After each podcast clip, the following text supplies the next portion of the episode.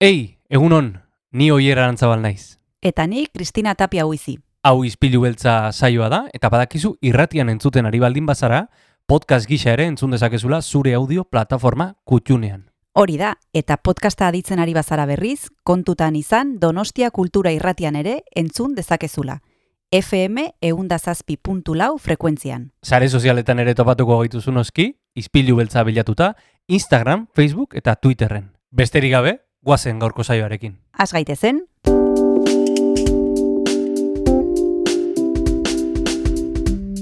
Ispilu beltza. Donostiako kulturaren berri, Oyer Arantzabal eta Kristina Tapia buizirekin. Egun honen zule ez dakit non zauden, ez dakit harrapatu zaitugun eh, kotxean, lanean, gozaltzen, dena delako lekuan, baina hau izpilu beltza da, eta ondo dakizu bezala, kulturaren munduan murgilduko gara, Donostia kultura irratian.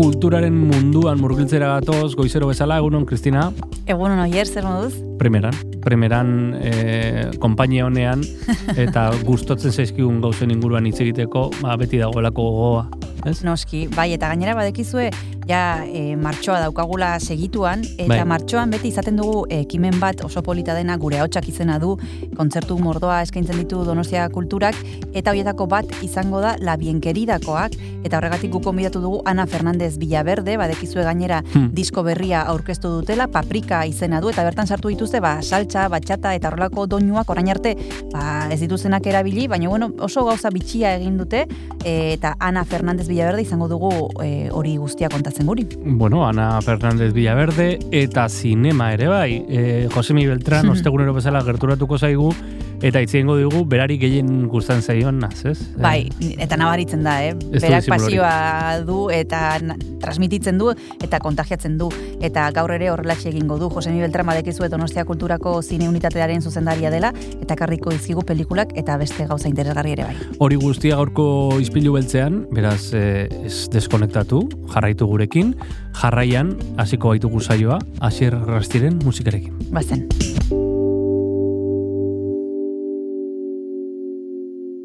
Egun honen zule, gaurko ispilu beltza saioari, era goxo zein lasai batean emango dugu hasiera izan ere, duela urtebete disolbatu zen txarango talde kataluniarari emango diogu paso, bere tanka els Jules kantarekin.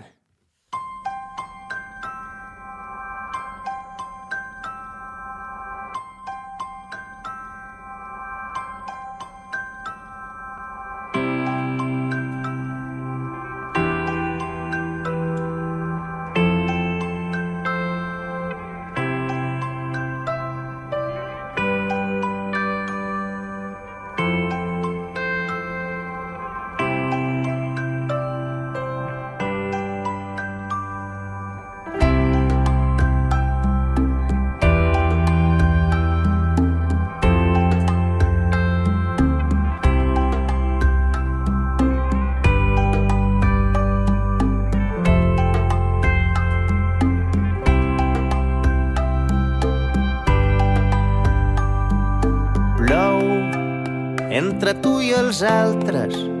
Sé bé què sents, dus a dins la mateixa guerra.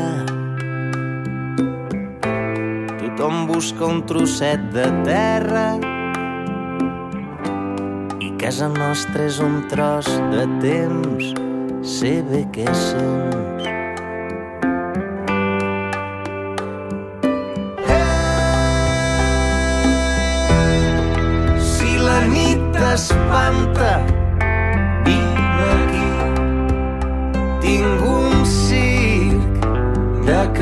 Cançons fins a l'alba.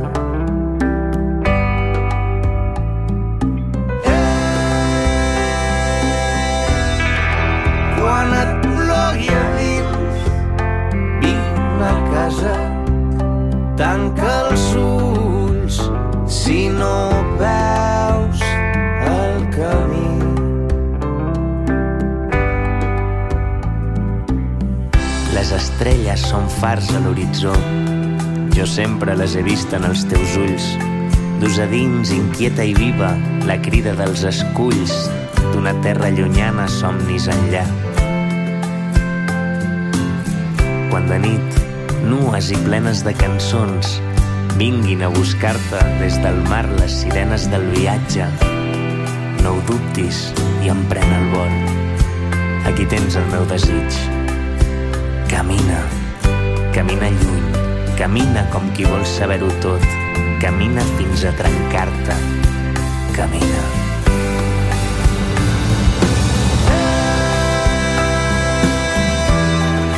Si la nit t'espanta,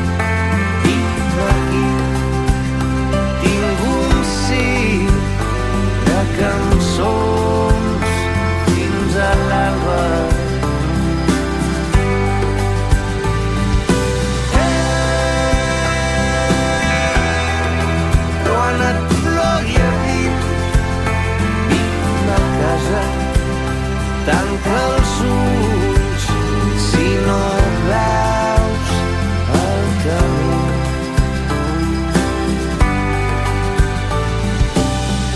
Que quan siguis lluny, una cançó et torni a casa.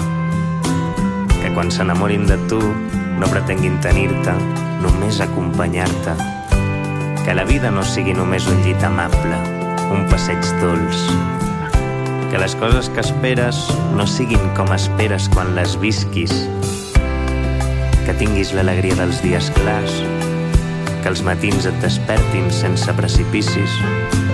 Que estimis molt algú sense que el necessitis i no deixis que les ferides s'endureixin al cor, que no reposin el pou de l'ànima.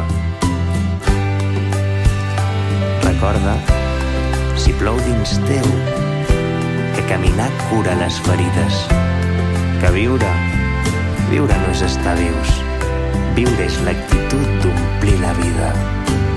La vida, allò que passa quan tu rius.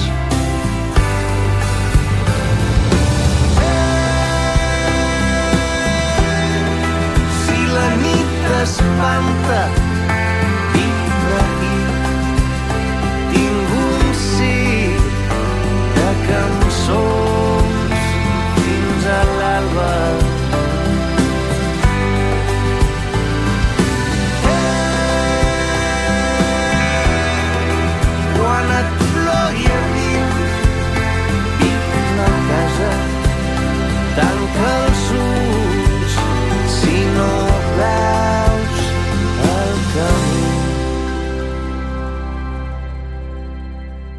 Musika ederrarekin gatoz eta musika ederrarekin jarraitu behar dugu. Izan ere gaurko gonbidatua, Kristina, la bienquerida taldeko kide bat da.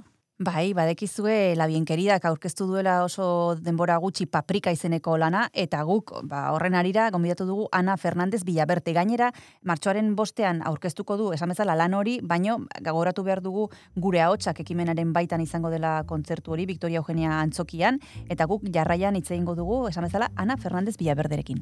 Hemen, izpilu beltzean.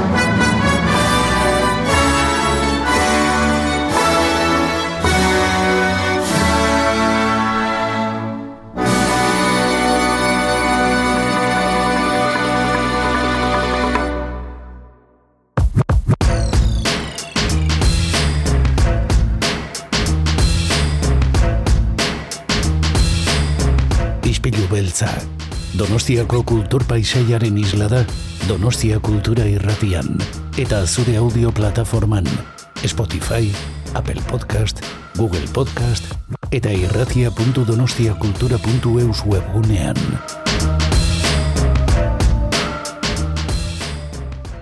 Gaur musikari buruz hitz egingo dugu hemen ispilu beltzan, gure ahotsak proiektuaren baitan labien taldearen kontzertua ikusteko eta disfrutatzeko aukera izango dugu martxoaren bostean, zazpiterdietan Victoria Eugenia Antzokian izango da, eta guk Ana Fernandez Villaverde musikaria gomidatu dugu Donostia Kultura Irratira. Egun anak, eta estás?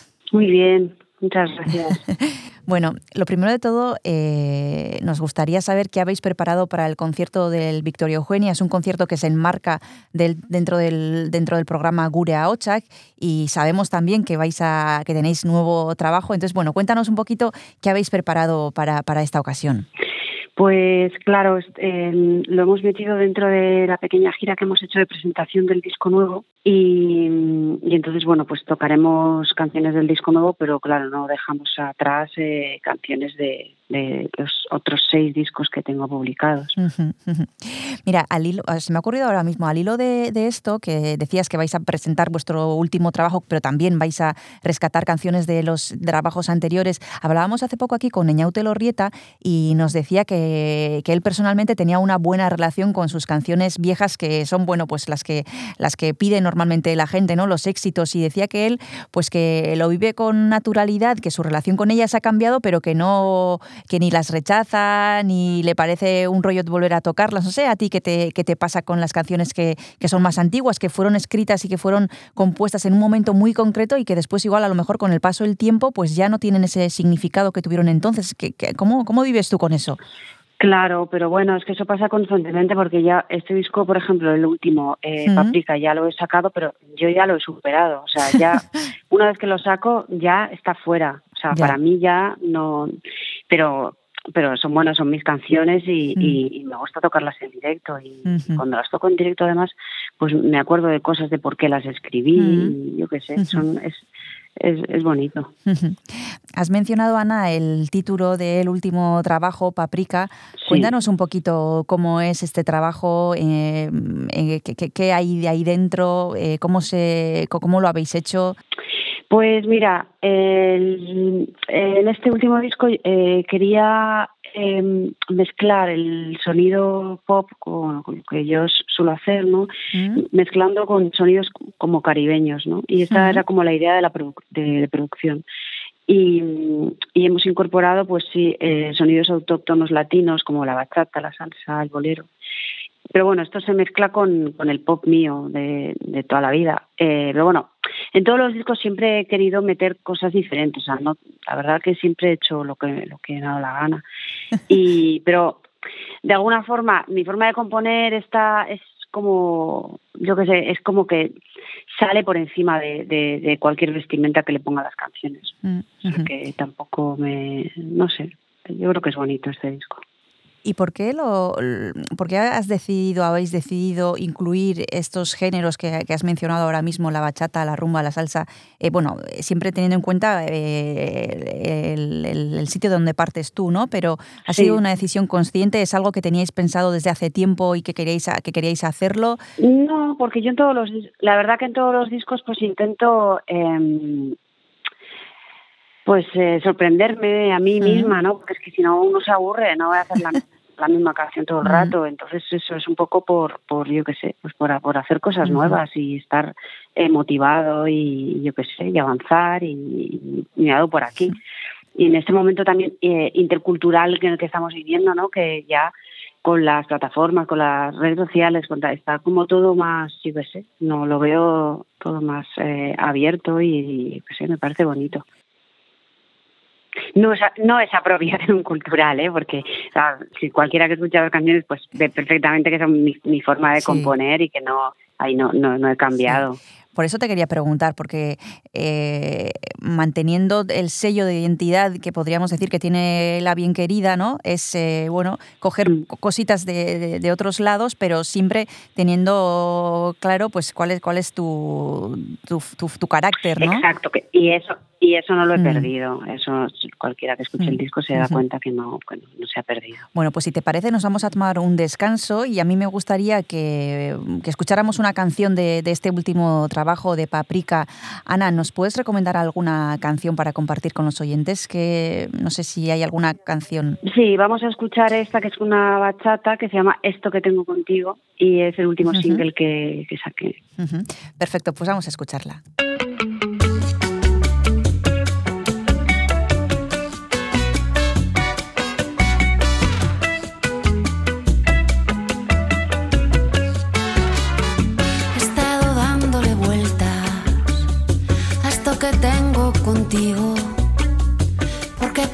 Que lo intento, no le encuentro ningún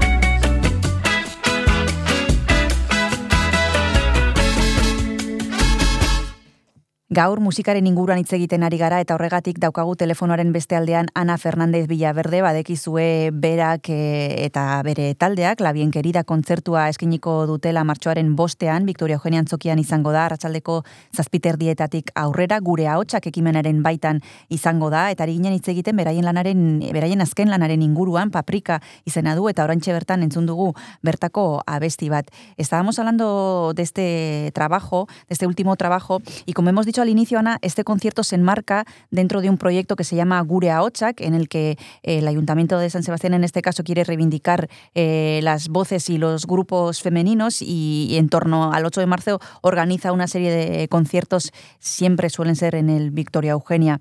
Eh, no sé cómo, qué opinión tienes de, este tipo de actos que se organizan pues, en, torno a esta fecha, reivindicando también el, trabajo de las músicas. ¿Cómo lo vives tú? Este, este, ¿Cómo vives mm. este día? Pues bueno, me parece bien, me parecen bien estas eh, iniciativas y, bueno, y me, encanta que, se hayan acordado de mí. ¿Crees que eh, hoy en día son necesarias este tipo, este tipo de acciones donde se pone en valor de forma explícita eh, el trabajo de las mujeres, en este caso de las, de las músicas, eh, o ya hemos superado bueno, esta necesidad de, hacer cosas en concreto, pues lideradas en este caso por mujeres o protagonizadas por mujeres? Bueno, yo creo que estamos en ello. Esta es un trabajo lento, pero de un tiempo a esta parte yo creo que hemos avanzado, ¿no? Eh, bastante. Pero bueno, todo, no sé, siempre está bien, claro, lo, lo, veo, lo veo bien. Eh, preparando un poquito la entrevista, Ana, eh, en varios lugares me he encontrado una palabra que, que me resulta interesante y es referente. muchas veces se habla de ti y de tu propuesta como uno de los referentes del pop español. ¿Qué, opinas de esto? Y, no sé si es mm, no sé si cómo, cómo vives tú ser el hecho, el, hecho de ser un referente también para las niñas que, que, bueno, que empiezan a ir a tus conciertos y no sé si eso supone una presión, si es un halago. Pues que yo, yo tampoco me veo como un referente, no sé, yo mm. hago lo que puedo, eh, lo que intento si es... Em, a ver, ese trabajo, pero no solo en mi trabajo, es que todos los trabajos hoy en día hay que estar ahí con el pico y la pala, hay que eh, trabajar mucho y, esforzarte, y porque si no, claro, es que eh, hoy en día lo que prima es la novedad, y entonces, eh, pero en todos los trabajos y la novedad, caras nuevas, tal, y, y, y claro, si no estás ahí currando, pues luego la gente pasa de ti. Y bueno, pues es lo que intento hacer. Mm, como mejor puedo.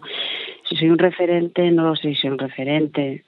Eh, vamos, que hago lo que puedo, yo como todo el mundo. Decías, Ana, y mencionabas cómo han cambiado las cosas en los últimos años, ¿no? Eh, cómo ahora la, forma de, escuchar música, por ejemplo, es diferente, el efecto que tiene sobre, sobre la propia producción musical y sobre el resultado, eh, por ejemplo, las redes sociales, Internet en general, podríamos decir. Eh, tú que también has vivido esa parte de la historia sin todas estas cosas, no sé si te resulta algo demasiado ajeno, si es algo a lo que te has adaptado de forma rápida y le ves cosas positivas más que negativas. ¿Cómo ha sido esa transición? Bien, veo que es mucho estrés y, también eso, mm, como que eh, ahora como que necesitamos todo el rato generar mm. contenido, generar contenido, generar contenido y yo qué sé, eso y luego tanta exposición, a mí, a mí no te creas que lo llevo tan bien, ¿eh? O sea, me, resultaba mucho más eh, romántico, misterioso antes, ¿no? Eh, cuando no había mm, tanta exposición de, de, medios, de redes sociales y tal y lo veía pues eso que los artistas tenían ese ese halo así un poco romántico misterioso me parecía más interesante. Pero bueno pues esto es lo que nos ha tocado lo que nos hemos metido hemos pasado todos por el aro y, y es cierto que las personas que no lo hacen pues eh, eh, se quedan un poco atrás y eso es así porque es que lo he comprobado eh, y, y bueno pues es lo que nos ha tocado cada momento en el tiempo, en la vida, pues tocan unas cosas que tiene cosas buenas y cosas malas. Y esto creo que tiene cosas buenas, pero porque eso es lo que te decía, un momento intercultural, porque estamos todos Mm. muchísimo más conectados, pero también tiene alguna cosilla que yo la veo un poco mala. Y luego hemos perdido muchísimo la capacidad Mm, de concentración eh, las personas Mm. en general. Y es por eso, porque estamos mm, súper obsesionados con, estamos Mm. enganchados. Yo creo que ya, y ya, ya se está dando casos, ¿no? Que hay gente que tiene que desengancharse del móvil. Porque es como una locura, empiezas a ver cosas que ni te interesan. Ni a mí ni a nadie, o sea, no nos interesa y empezamos a, a consumir contenidos que, nos- que nos dan igual. Y, y el hecho de, de- de consumir de esta forma tan rápida hace que también eh, pues muchos artistas incluso eh, ya no trabajen el concepto del disco, ¿no? Que es algo completo, que, que tiene un orden porque ha sido pensado en ese orden en concreto, porque tiene un sentido. Eh, bueno, Sí. muchísimas cosas que implican, por ejemplo, un trabajo largo, pero ahora estamos en la época del single, ¿no? Y ya es, pues eso, todo está en internet, nada es físico, nadie se toma el trabajo, pues ya de darle Claro. la vuelta a un disco, ya eso ya son, bueno, eh, otra, otra, otra etapa, ¿no? Eh, No sé si tienes... Bueno, a mí, a mí se me ha pillado, se me ha pillado, vamos, yo soy de otra generación y yo sigo sacando mis discos Claro. y, y con el concepto Claro. y tal. Eso, claro, pero los, los- los jóvenes pues ya no, la gente, la música urbana pues ellos no, no sacan Claro. discos, ¿no? Van sacando singles y, y, consum- eso, consumir y consumir y eso, o sea, genera un poco de ansiedad. Bueno, ahora mismo vamos a seguir hablando con Ana Fernández Villaverde de cómo han cambiado las cosas y sobre todo de cómo es eh, su último trabajo, la eh, de Paprika, que la bien querida presentará, como hemos dicho, el próximo 5 de marzo en el Teatro Victoria Eugenia. Nos vamos a tomar otro descanso, el segundo y último. Y antes le hemos preguntado a Ana por un- una canción de este último trabajo de Paprika y nos ha propuesto esto que tengo contigo. Y Ana, para este segundo descanso, ¿qué se te ocurre? ¿Qué podemos escuchar? Pues esta- os voy a decir una que se llama No es lo mismo, que tiene un corte mucho más clásico y, y bueno, una canción más mm, normal, por así decirlo, que la canto con J de los Planetas. Ah, perfecto. Pues venga, vamos a escucharla.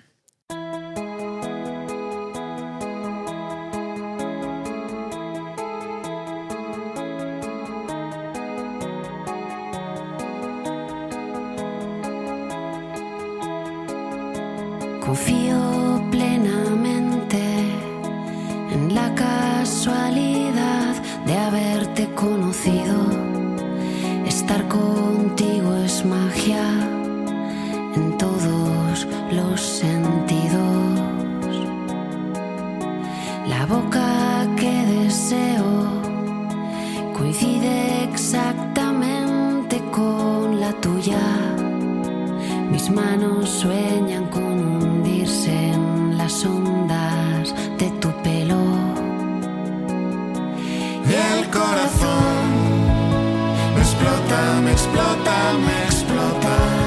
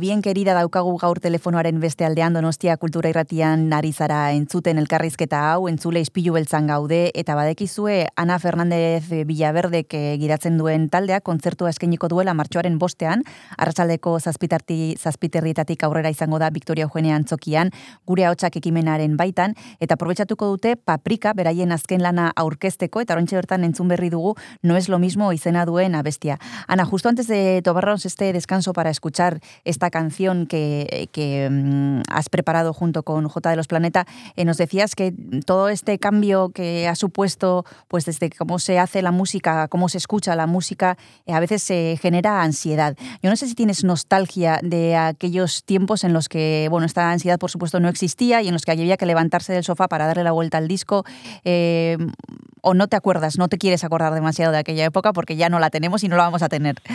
Sí, pues más, más hago eso, es un trabajo ya que, sí, o sea, sí, me encantaría volver a esa época, pero como no se puede, pues eso, no nos tenemos que adaptar. Pero bueno, sí, es que lo de, no sé, lo de las redes sociales y tal, pues eh, es que es, mm, es, es, muy bestia, ¿eh? Y también para yo que tengo una hija, te da un poco de miedo, ¿no? Porque eh, al final, pues eso, lo que, que, es como sumar indicadores de vanidad, nos enganchamos al like, nos enganchamos a gustar. Es como, no sé, es muy, muy fuerte, ¿no? Y, esa, y, desarrollamos una dependencia por la admiración de los demás, que yo qué sé. Pero la gente que, que, se dedica al trabajo artístico, cualquiera, porque es que ahora como sí. todos nos, nos, nos relacionamos con así, en fin. Y en con respecto a cuando sacas un trabajo nuevo, Ana, por ejemplo, esto que decías ahora mismo, que eh, todo se mide conforme a, a, los likes que tiene una persona, las visualizaciones, a lo viral que sí. se convierte algo, eh, ¿esto a ti te afecta a la hora de crear? Por ejemplo, ¿tienes en cuenta mucho qué podría ser lo que puede gustar? ¿O es un trabajo que haces para ti y sobre todo, ¿no? Y no tienes en tanto en cuenta pues lo que, lo que, el ruido que hay fuera. Ya, bueno, pues hombre, sin querer, uno ya, cuando ya tengo, si tienes seis, siete discos en el mercado, pues ya sabes que vas a tener un público. Eh, pero yo creo que lo primero que tienes que hacer es intentar gustarte a ti mismo. Mm. Pero para eso en, to, en, toda, en, todas las cosas, porque si, si no te gusta a ti lo que haces, no lo vas a poder defender. Mm. Entonces, primero gustarte a ti. Mm. Y luego ya intentarlo, eh, pues intentar gustar a los demás, pero primero gustarte a ti, eso siempre en todo, claro. Eso con respecto al público, Ana, por ejemplo, decías que primero tienes que gustarte a ti para poder defender un trabajo, pero con respecto a la crítica, eh, cuando a veces, eh, tanto en un sentido como en otro, eh, cuando, mm. cuando son positivas las palabras y tanto como cuando son negativas, ¿eso qué, qué afección tiene en uno? Pues te afecta, es que te afecta, eh, te afecta. El, el, otro día, sí, no sé con quién lo hablaba, pero claro, te afecta. Y de hecho, eh, además es que el ser humano tendemos siempre a fijarnos en lo, en lo por ejemplo, igual tienes, yo qué sé, cualquiera tiene 10 comentarios sí. positivos y uno negativo. Pues no sé por qué te fijas sí, en el negativo, sí. porque el negativo tiene un poder, ¿no? Pero siempre nos pasa a todos y a todas. Y, y, claro que te afecta, pero bueno, mm, yo intento vivir un poco al margen, o sea, que no, no me gusta leer nada, eh, ni, o sea, no me, no me meto mm. ahí, no me meto ahí porque ya lo que me faltaba. o sea. y, y claro, a ver, es que a todos y a todas nos gustaría gustar, a la crítica. Al final lo, lo que cuenta es el público, ¿eh? porque yo, por ejemplo, tengo un disco que a la crítica le encantó, que es uno que se llama Premeditación Autonía de Alevosía, eh, y ese a los críticos les encantó, pero luego no me comí un colín, luego no me llamaban yeah. para tocar. Yeah. o sea, y entonces es que es todo yeah. como muy relativo, pero tampoco hago, el paprika no lo he hecho tampoco para gustar a los demás, porque ahí me estaba arriesgando a meter sonidos latinos que haya gente que le espantan. Sí. Pero a mí me hacía gracia y entonces lo he hecho un poco porque a mí me, me, me gusta sabiendo que a muchísima gente le va a horrorizar. Por eso te digo que, yo sé, es todo muy relativo. Estabas hablando ahora de Paprika y al principio, Ana, nos has dicho que este es un trabajo que para ti ya es pasado, ¿no? Cuando te he preguntado por tu relación con sí. tus trabajos anteriores, tú esto ya lo estás presentando, pero ya eh, podríamos hablar de él casi en pasado. Yo no sé si cuando un... Ya lo he superado. Eso sí. es, cuando lo has superado ya, eh, ¿estás trabajando en otro ya o todavía eh, estás en la, en la época de presentarlo, aunque lo hayas superado, es la época sí. de presentarlo o ya, ya estás preparando cosas nuevas? ¿Cómo hacéis, cómo es el proceso? Sí, Sí, o sea, ya lo he superado, lo que pasa es que, claro, ahora estoy, todavía estoy haciendo bastante promo del disco, estoy Mm. presentándolo y tal, entonces todavía estoy bastante metida en él, aunque mm, en cuanto a contenido ya estoy pensando en lo siguiente. O sea, ya Ujú. eh, esto ya lo he superado, como te decía. Sí. ¿Y podemos saber eh, cómo será lo siguiente, aunque sea un poquito? Bueno, lo siguiente no sé, todavía no sé, pero no será como este, eso seguro. Eso seguro.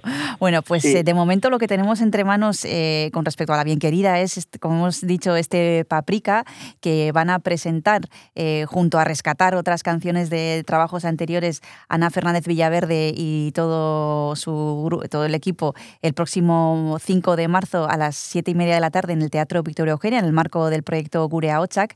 Muchas gracias, Ana Fernández, por haberte acercado a Donostia Nada. Cultura y Ratia y un abrazo muy grande. Hasta la próxima. Muchas gracias, tengo muchas ganas de ir a San Sebastián, de presentarlo ahí.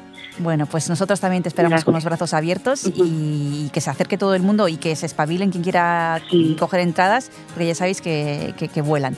Muchísimas Sí. gracias, Ana, es que ricasco. Gracias a ti, es ricasco. Agur. Esta mañana escuché en el jardín de tu casa una canción que decía algo parecido a lo que venía pensando mientras tú leías un libro. Y me quedé sin palabras porque no tuve ni tengo el valor de decirlo. Que me hubiera casado contigo de habérmelo pedido. Y luego me he ido y me han venido de golpe las cosas que te hubiera dicho, las cosas que nunca te digo. Porque siempre me pasa lo mismo.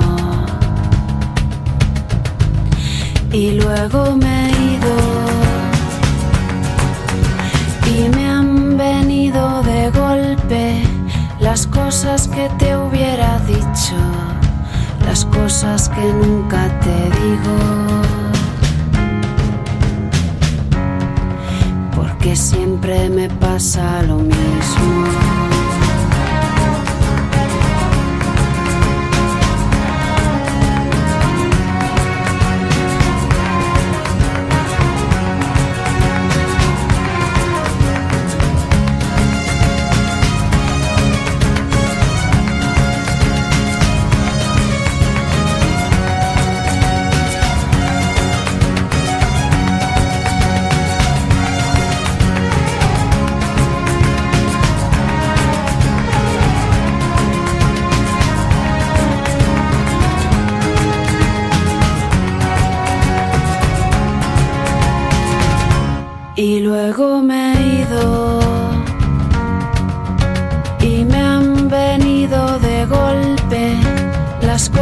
Que te hubiera dicho, las cosas que nunca te digo. Porque siempre me pasa lo mismo.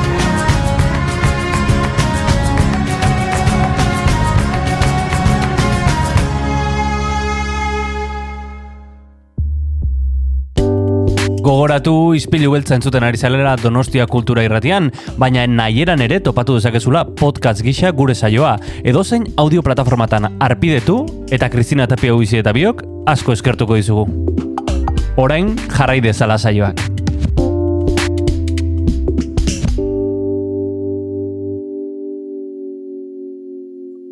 Osteguna da, entzule badekizu ostegunetan zinemari buruz aritzen garela Josemi Beltranekin, Josemi badekizue Donostia Kulturako zine unitatearen zuzendaria dela, besteak beste, eta ostegunero gonbidatzen dugu, eta ostegunero bera txintxo-txintxo etortzen da, eta hainbat konturekin etortzen da normalean, eta gaur ere horrelaxe izango da. Josemi, egunon zer modu zaude? Kaixo, ondo, ondo, ondo. Bueno, gaur ekarriko ditugu edo aipat- aipatuko ditugu pare bat kontu, Mhm. bueno, eta ateratzen direnak bidean ere bai, eta hasteko e, Nosferatun proiektatuko duzuen e, pelikula bat izango dugu izpide, ea gure frantses marabilloso hontan nola esaten dugun La Mom Vert de Gris edo horrelako zerbait. E, Josemi, guazen, e, azteko pixka bat kontatzera e, zeri buruzkoa den e, pelikula, hau, zer kontatzen digu, zuzendariak bertan. Bueno, ba, e, placerrez, placer handiz jarraitzen deu e, ziklo honekin, esperatu sinema beltxari de, dedikatutako zikloarekin, Bai, Eta, bueno, ba, kasu honetan e, filma mila bederatzeron e, berogeita mairukoa da, e, Bai. Bernard Bordegi, Bordegi dugu e, zuzendaria, bai, eta eta da e, e, lemi, lemi kauzion e, pertsonaiaren edo FBI-ko agentearen lehenengo agerraldia e, Mm. film batean. Eh? E, Mhm. Lemi kauzion izan daiteke agian e, ba, e, James Bond antzekoa, baina James Bai. Bond agertu baino lehen. E, kas, Mm. kasu honetan, e, bueno, ba, e, sortzailea, sortzaile literarioa izan zen e, Peter Cheney,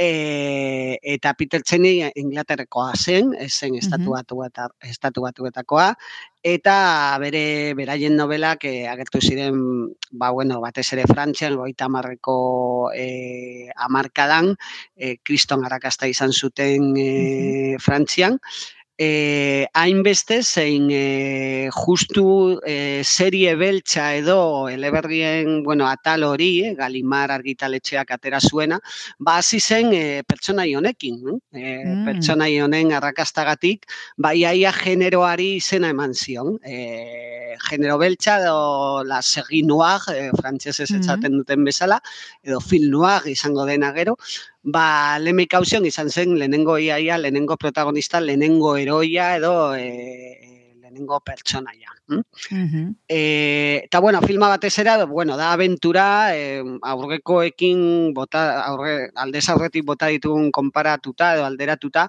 badauka akzio gehiago, dauka intriga gehiago, ba, protagonista, bueno, sarmangarria eta eta tipo gogorra esan dezakegu. Ba, bueno, James Bond antzekoa, ezta? E, eta batez ere garrantzitsua da hemen kasu honetan ezain beste e, zuzendaria baizik eta aktorea. E, Aha. Edi Konstantin, Bai. e, bera bai zen estatu batuetakoa, e, Bai. Los Angelesen jaioa, baina bere ibilbide osoa Frantzian egin zuen. E, Mm. Eta eta batez ere ergoa zen e, ba, pertsonai honen ergoa. Edi, Mhm, e, Lemi Kauzion agentearen ergoa izan zen, zeren, bueno, iaia kondenatuta egon zen, antzesteko pertsonai hori bere ibilbidean zehar, naiz Claro. eta beste zuzendari askorekin baita gehiago e, lan egin, baina Mm. Adibidez Jean-Luc Godard hartu zuen Edi Konstantin e, film batzuetan eta eta e, hau antzesteko baita, e, limi, lemi kauzion pertsonaia antzesteko, baina Godard e, zuzendariaren estiloarekin esan dezake. Aha, aha. Aipatzen ari gara La Mom Vert de Gris e, pelikula hemen, e, Nosferatu zikloaren baitan proiektatuko dute, e, esan bezala Josemika esplikatu digu mila bederatzireun da berrogeita mairuko pelikula bat dela, Bernard e, Borderik e, zuzendutakoa, eta zuri pertsonalki Josemi zer gustatzen zaizu gehien pelikula hontan? Zuri mm, zerbait azpimarratzetakotan zer izango litzateke? Bueno, e, pelikula honek sortzen du ikono bat. E, e, berez Bernard Bodagi gero ja, zuzendo zitun beste, bueno, serie honetako beste entrega batzuk edo, beste Mhm. kapitulu batzuk, e, pertsonai berdinarekin, baina honetan sortzen da e, mitoa, e, mito Frantzi, Frantziako mitoa, agian hemen Ah, e, bueno, Espainian edo kanpoan ez da hain ezaguna, baina Frantzian bai, eta, bueno, ba, film, film, film asko agertu ziren pertsonaiarekin, komentatu dugun bezala, eta, eta bueno, ba, luxua, amorea, e, mhm. Ostikadak baita, e, borrokak eta Bai. intrigak, eta gainera kasu honetan Casablancan kokatutako filma da, eh? beste Mm. glamour kutsu horrekin baita, e, bi milioi dolar e, aurkitu, aurkitu behar du pertsonaiak, protagonistak, Eta, bueno, e, pertsonaiak dira, ba hori, bigger than life esan dezakegu, no? Beti, ez oso esageratuak, e, batzuk aipatu dute, e, ba, ja eleberrietan, e, lemik hausionen eleberrietan, ba, zegoela iaia e, intentzio satiriko bat, edo ia pastitxe, estatu batuetako pastitxea erabiltzen zuen e, egileak, eta iaia ba, parodia, parodia bat sortuz. Ez da llegatzen, nik ez nuke esango, nik uste dut, bueno, ba serio gizatu behar dela baita ere abentura, baina bai be espiritu horrekin eta eta ondo pasatzeko espiritu horrekin altu, altu behar den e, pelikula dela, bai. Oraintxe bertan jarraituko dugu filma honen inguruan hitz egiten Josemi, baino tarte bat hartu behar dugu eta horretarako abesti bat eskatu behar dizuten, eta denik ezakite honen arira edo zer pentsatu duzun, ze proposatu dezakezu.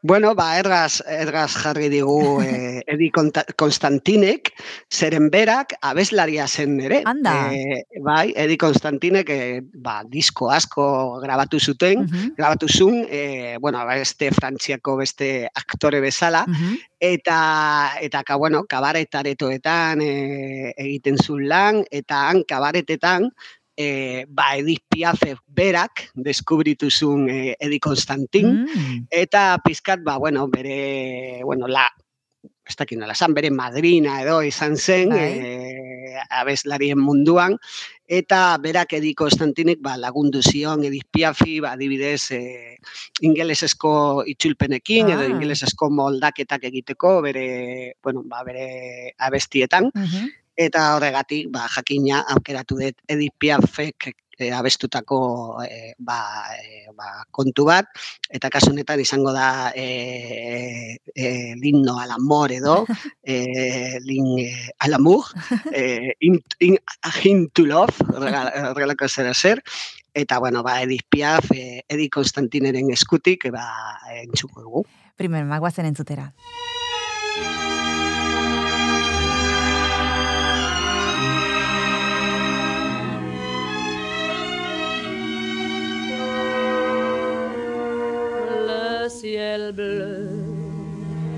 Sur nous peut s'effondrer. Et la terre peut bien s'écrouler. Ne m'aborde si tu m'aimes, je me fous du monde entier. Tant que l'amour mes matins tant que mon corps frémira sous tes mains.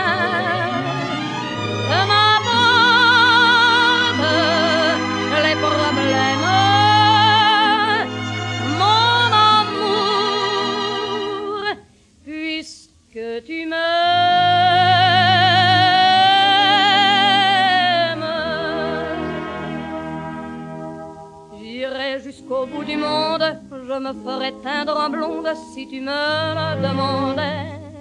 J'irais décrocher la lune, j'irais voler la fortune si tu me le demandais. Je renierais ma patrie, je renierais mes amis si tu me le demandais. On peut bien rire de moi, je ferais n'importe quoi si tu me le demandais. Un jour la vie t'arrache à moi, si tu meurs, que tu sois loin de moi.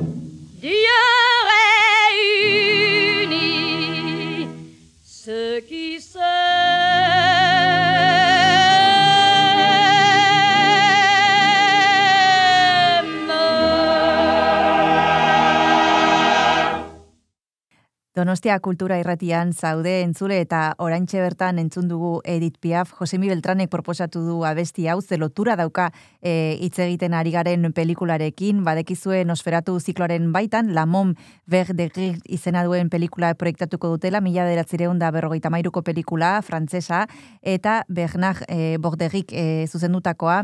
Ai, galdetu diogu oraintxe bertan, Josemiri ea zer gustatzen zaion berari gehien pelikula hontan. Eta orain galdetuko niko nioke, e, zeini gomendatuko zenioke pelikula hau, Josemi? E, zeinentzat dago egin hau?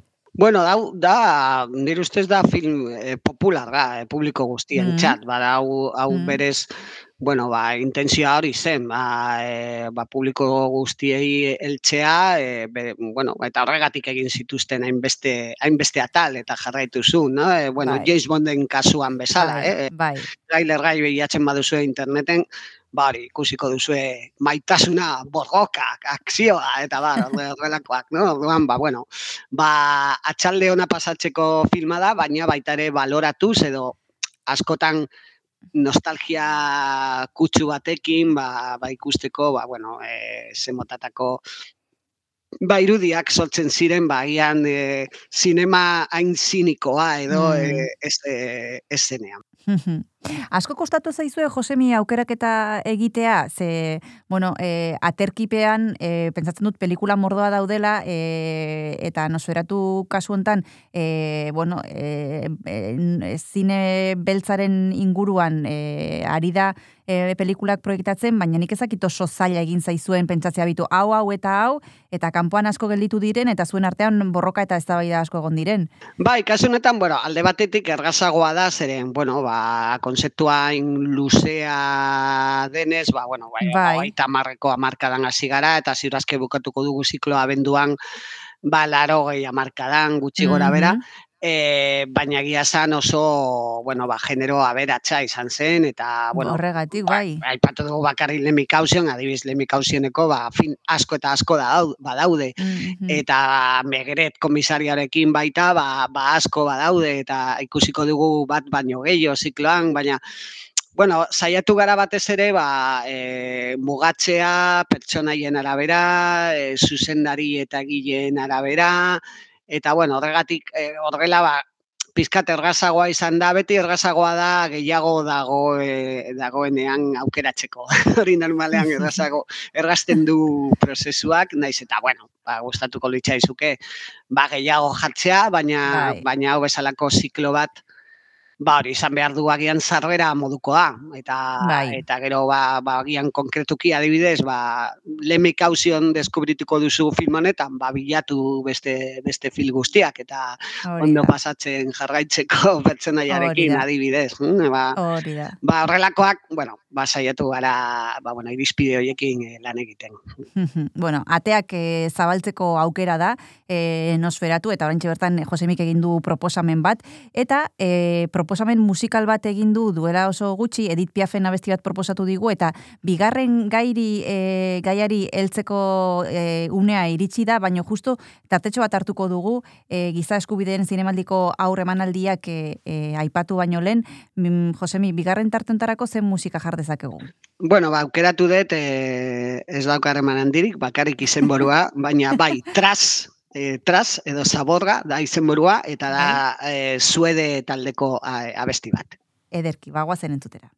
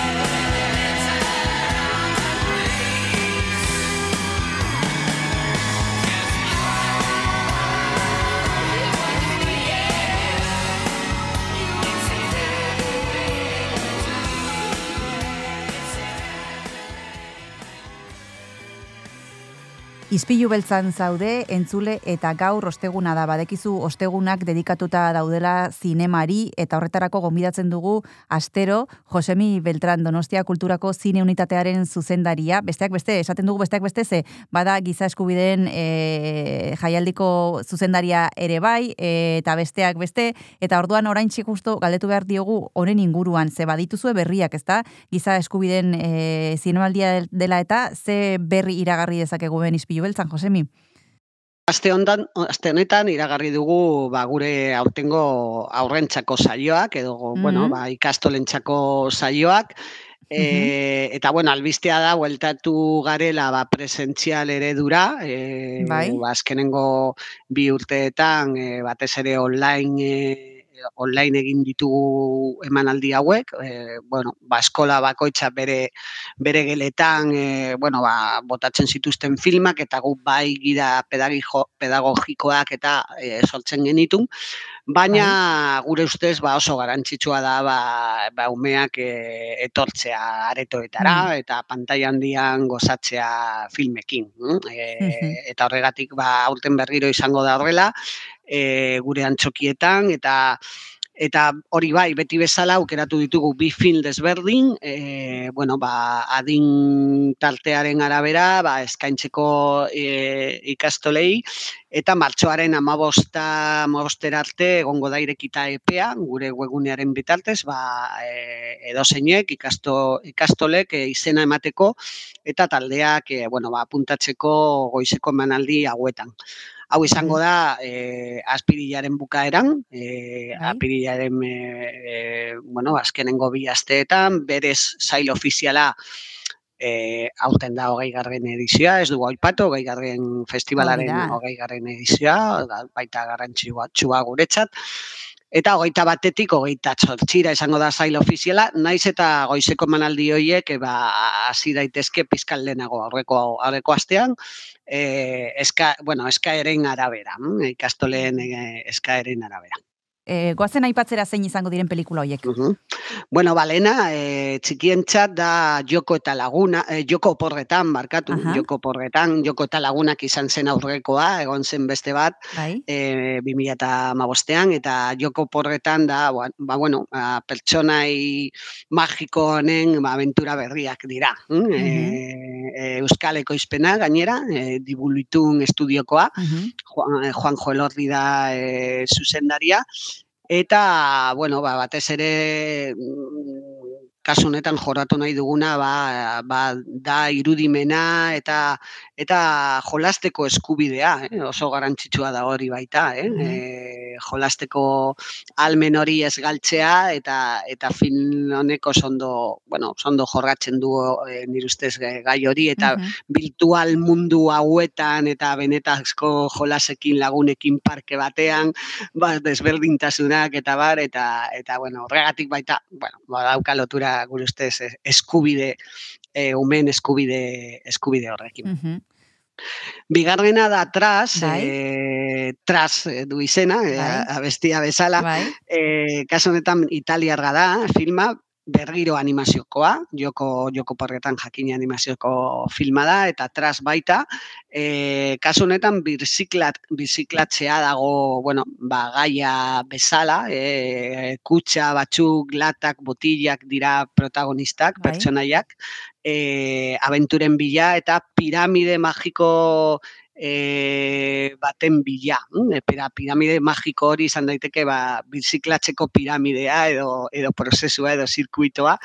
E, baina, bueno, da itxakia ba, aventurazko film bat sortzeko eta horren arira ba, landuko dugu e, ba, hori, ba, e, zaborren e, kudeaketa eta gure, bueno, ba, eguneroko ingurumena zaintzeko Mm. ba, ba, ba, prozedurak edo, edo oiturak, eh, Mhm. esan dezakegu asko sobetu. Mhm.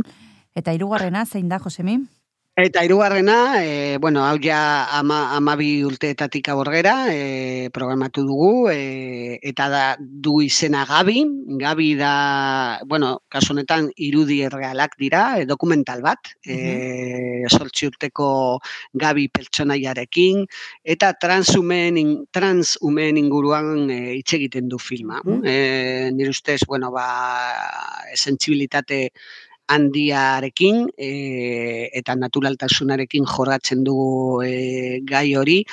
E, baina, bueno, ematen du fikzioa dela, ikusten duzunean, aktoreak izan daitezke, baina ez, da dokumentala, baina, bueno, trebetasunarekin kontatuta dago, eta eta bueno, nire ustez e, ba, bueno, gai gai hau bueno, ba, gai honi buruz hitz egiteko ba, ba film e, polita suediakoa kasu honetan suedia suediako ekoizpena.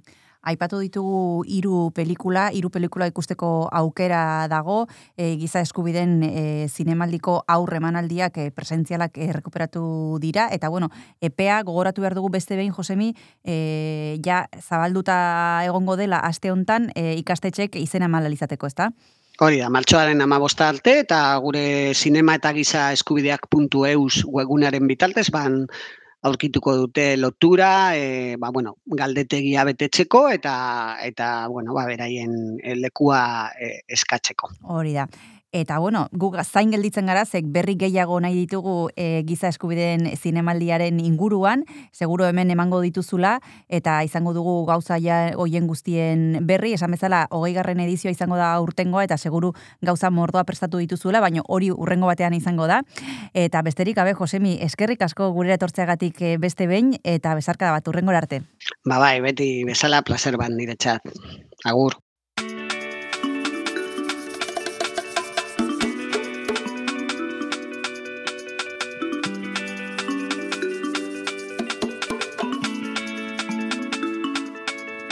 Bartolok ez du mari Bere amez gozoetan Bai ordea Jose Mari Hau maite du benetan Zer diren ezan ezinik Dabil zezkutaketan Eta tristuraz beterik Bizi dira penetan oh.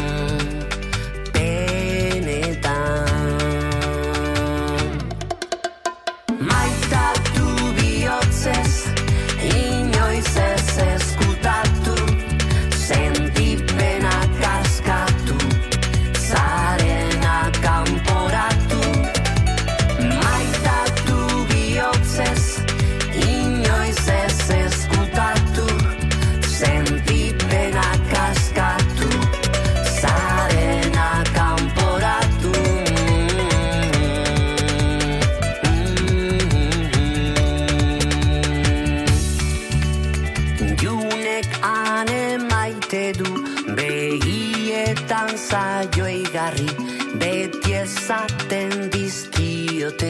Gauza politak elkarri bidean aurkitu arren. Amaika traba eta harri euren maitasuna eusten dute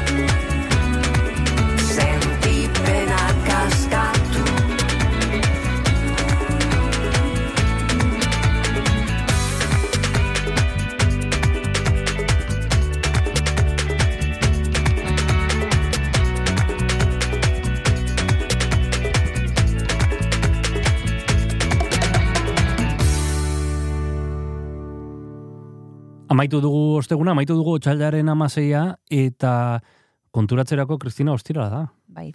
Eta, Tita. eta martxoa da, ia, ia. Tita, Tita. Eh, laizzer ondartzara. Bueno, izan ez gero orain ere joan, joan altzara, E- eh? e- egin parre, eh? baina laizzer udara, udara atejok izango dugu. Bai, bueno, baina ondartzara joan zaitezke zuk nahi duzunean, bezune da. guan ere bai, eh? Egia da, Zakitaina usartazaren, baina bueno. Baina gauza da ondartzara joatea eta bestea da ondartzara joatea. Bueno, Ez? vale, vale. Bados.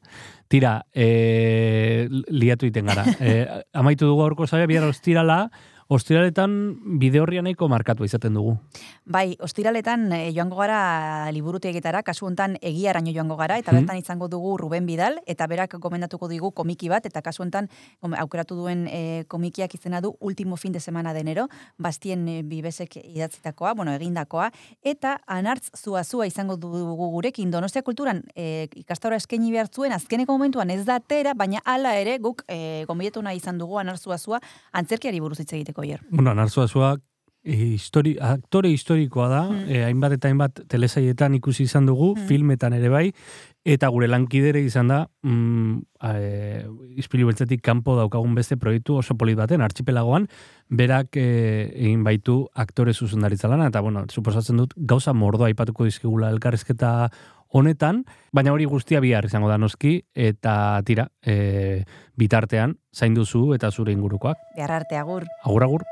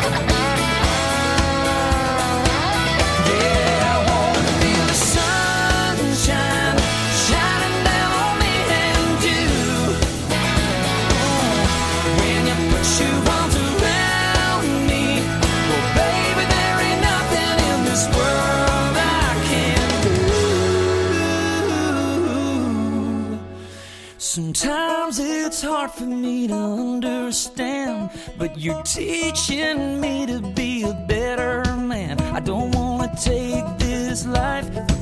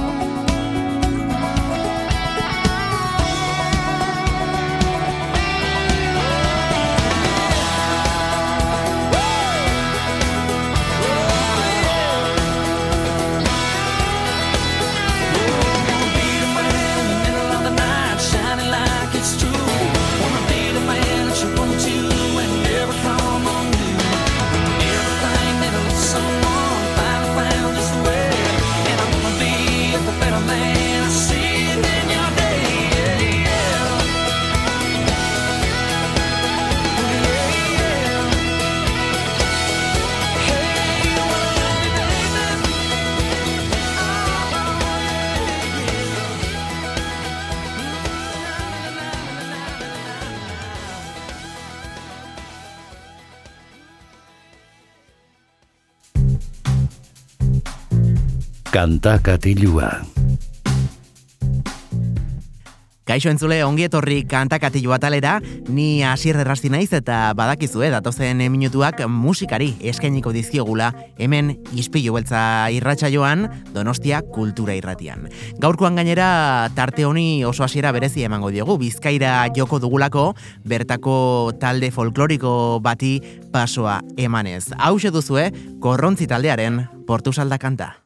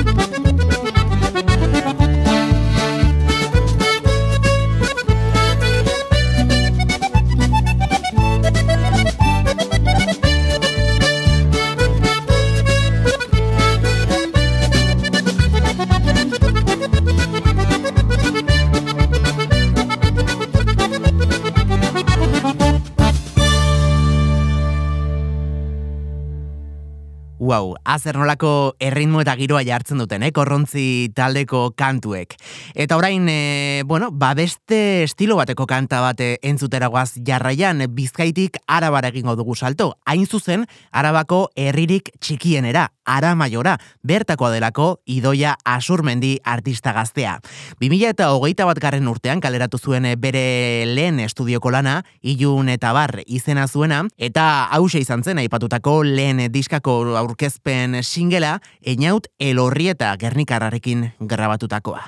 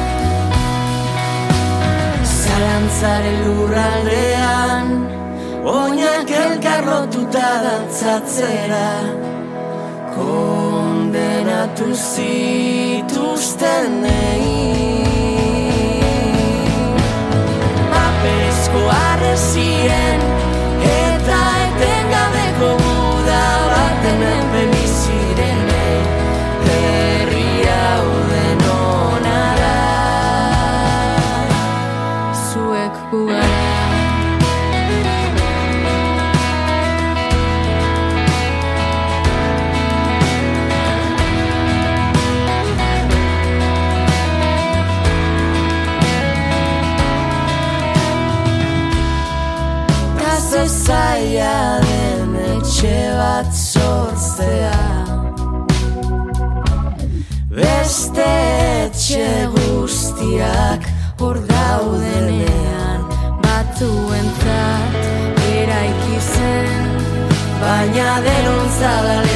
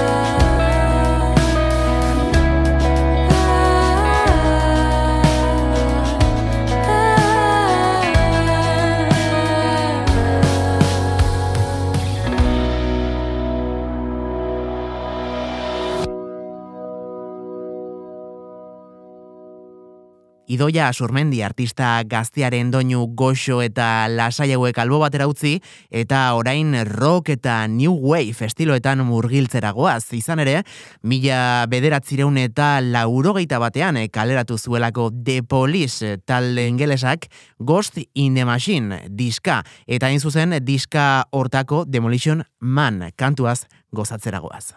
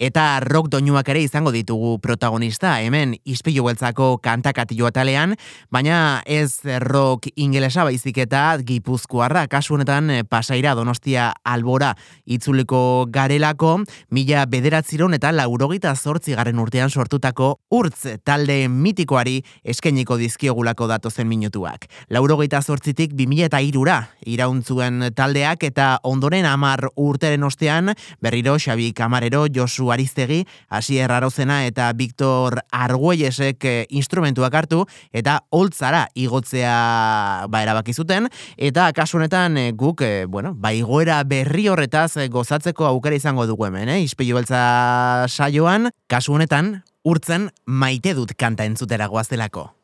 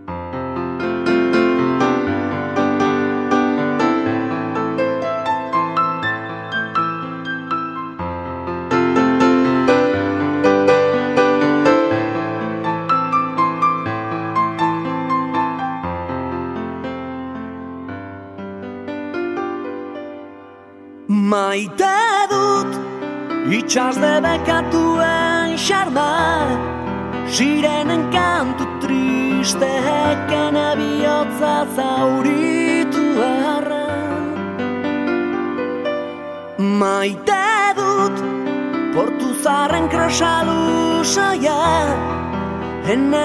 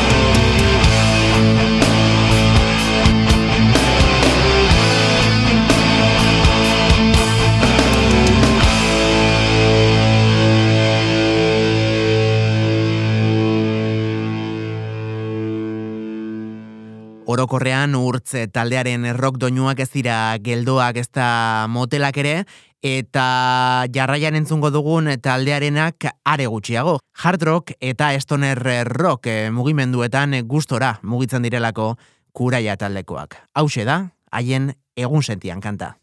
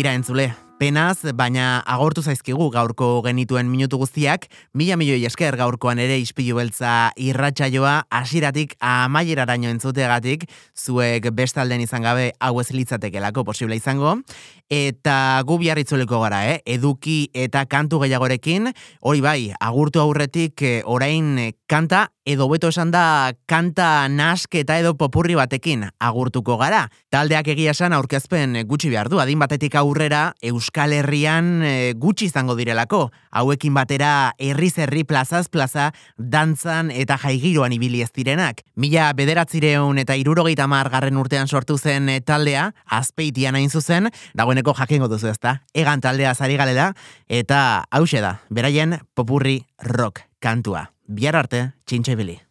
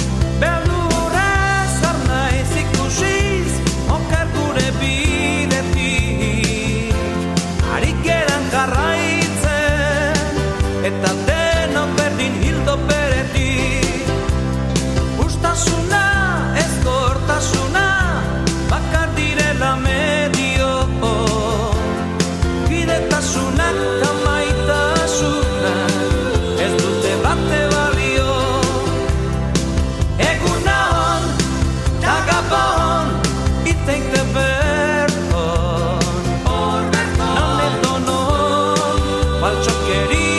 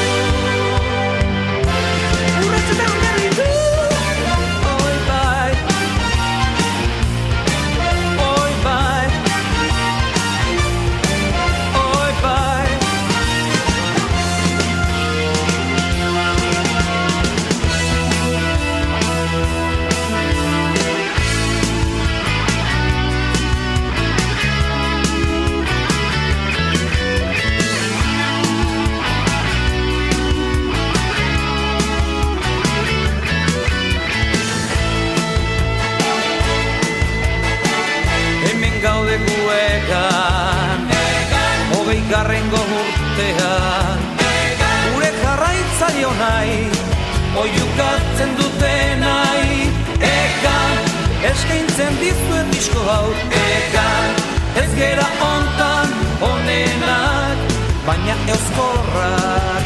Egan Gaizki esanak barkatu Honako koan hartu Baina ez bildurtu Azpeitiarrak era Inazio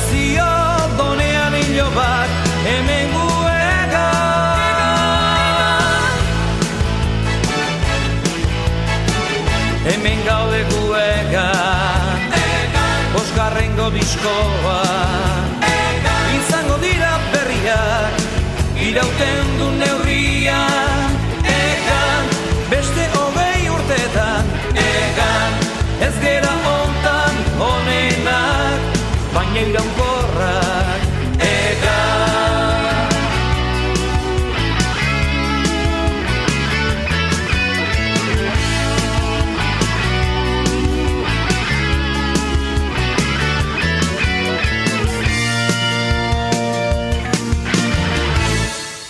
Ispilu beltza podcasta entzungai duzu irratia.donostiakultura.eus webgunean, Spotify, Apple Podcasten, Google Podcasten edo zure audio plataforma kutxunenean.